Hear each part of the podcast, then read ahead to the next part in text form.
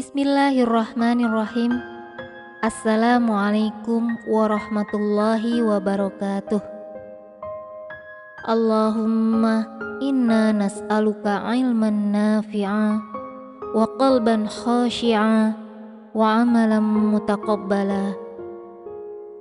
Anak-anakku yang dirahmati Allah, sejenak kita refleksi di akhir pembelajaran ini bahwa iman pada hari akhir berarti mengimani segala informasi yang Allah kabarkan melalui firman-Nya, juga mengimani semua penjelasan Rasulullah melalui sabdanya tentang hal-hal yang terjadi setelah kematian. Perhatian Al-Quran tentang hari akhir ini begitu besar Hampir tiap lembar selalu ada bahasan tentang hari akhir dan kehidupan setelah kematian. Jadi, sehancur apa pun jasad manusia di muka bumi ini, mudah bagi Allah untuk menyempurnakannya kembali di hari akhir, karena Allah yang menciptakan. Dinamakan hari akhir karena inilah kehidupan terakhir yang kekal selamanya tidak ada lagi kehidupan setelahnya. Saking maha rahimnya Allah, tidak serta-merta menjadikan hari akhir dalam satu kali peristiwa. Tetapi Allah berikan isyarat melalui tanda-tanda kiamat sughra dan kubro.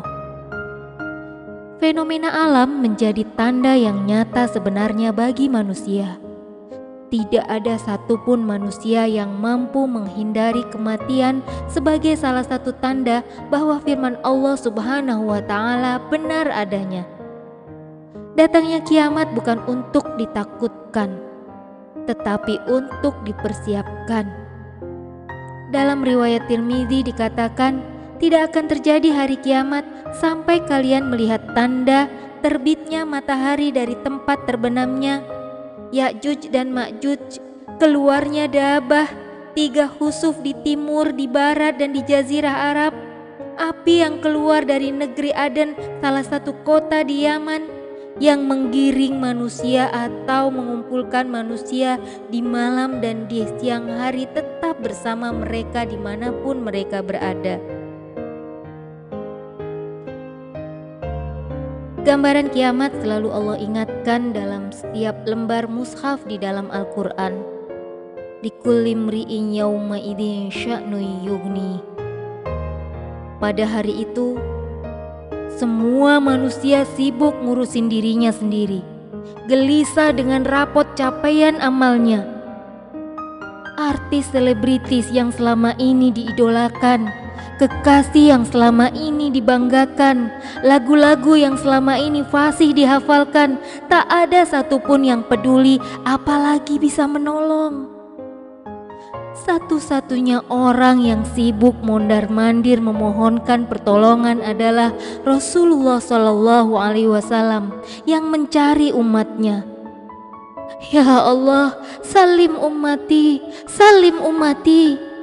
Ya Allah, selamatkan umatku, selamatkan umatku ya Allah. Di manakah umatku ya Allah? Selamatkan ya Allah. Nabi bersujud lama memohon kepada Allah agar dapat menolong kita semua umatnya.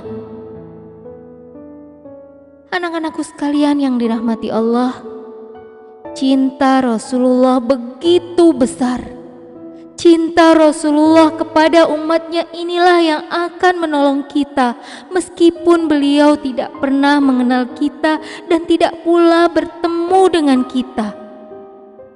Layakkah menjadikan artis selebritis sebagai idola? Layakkah menjadikan lagu-lagu selebritis menjadi wirid di setiap masa? Ya Allah, jadikan setiap firman-Mu sebagai pengingat bagi kami dan kumpulkanlah kami bersama orang-orang yang solih. Allahumma hdina bihidayatil Qur'an wa adkhilnal jannata bisyafa'atil Qur'an.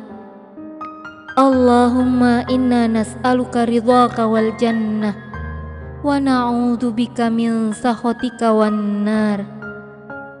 Wassalamualaikum warahmatullahi wabarakatuh.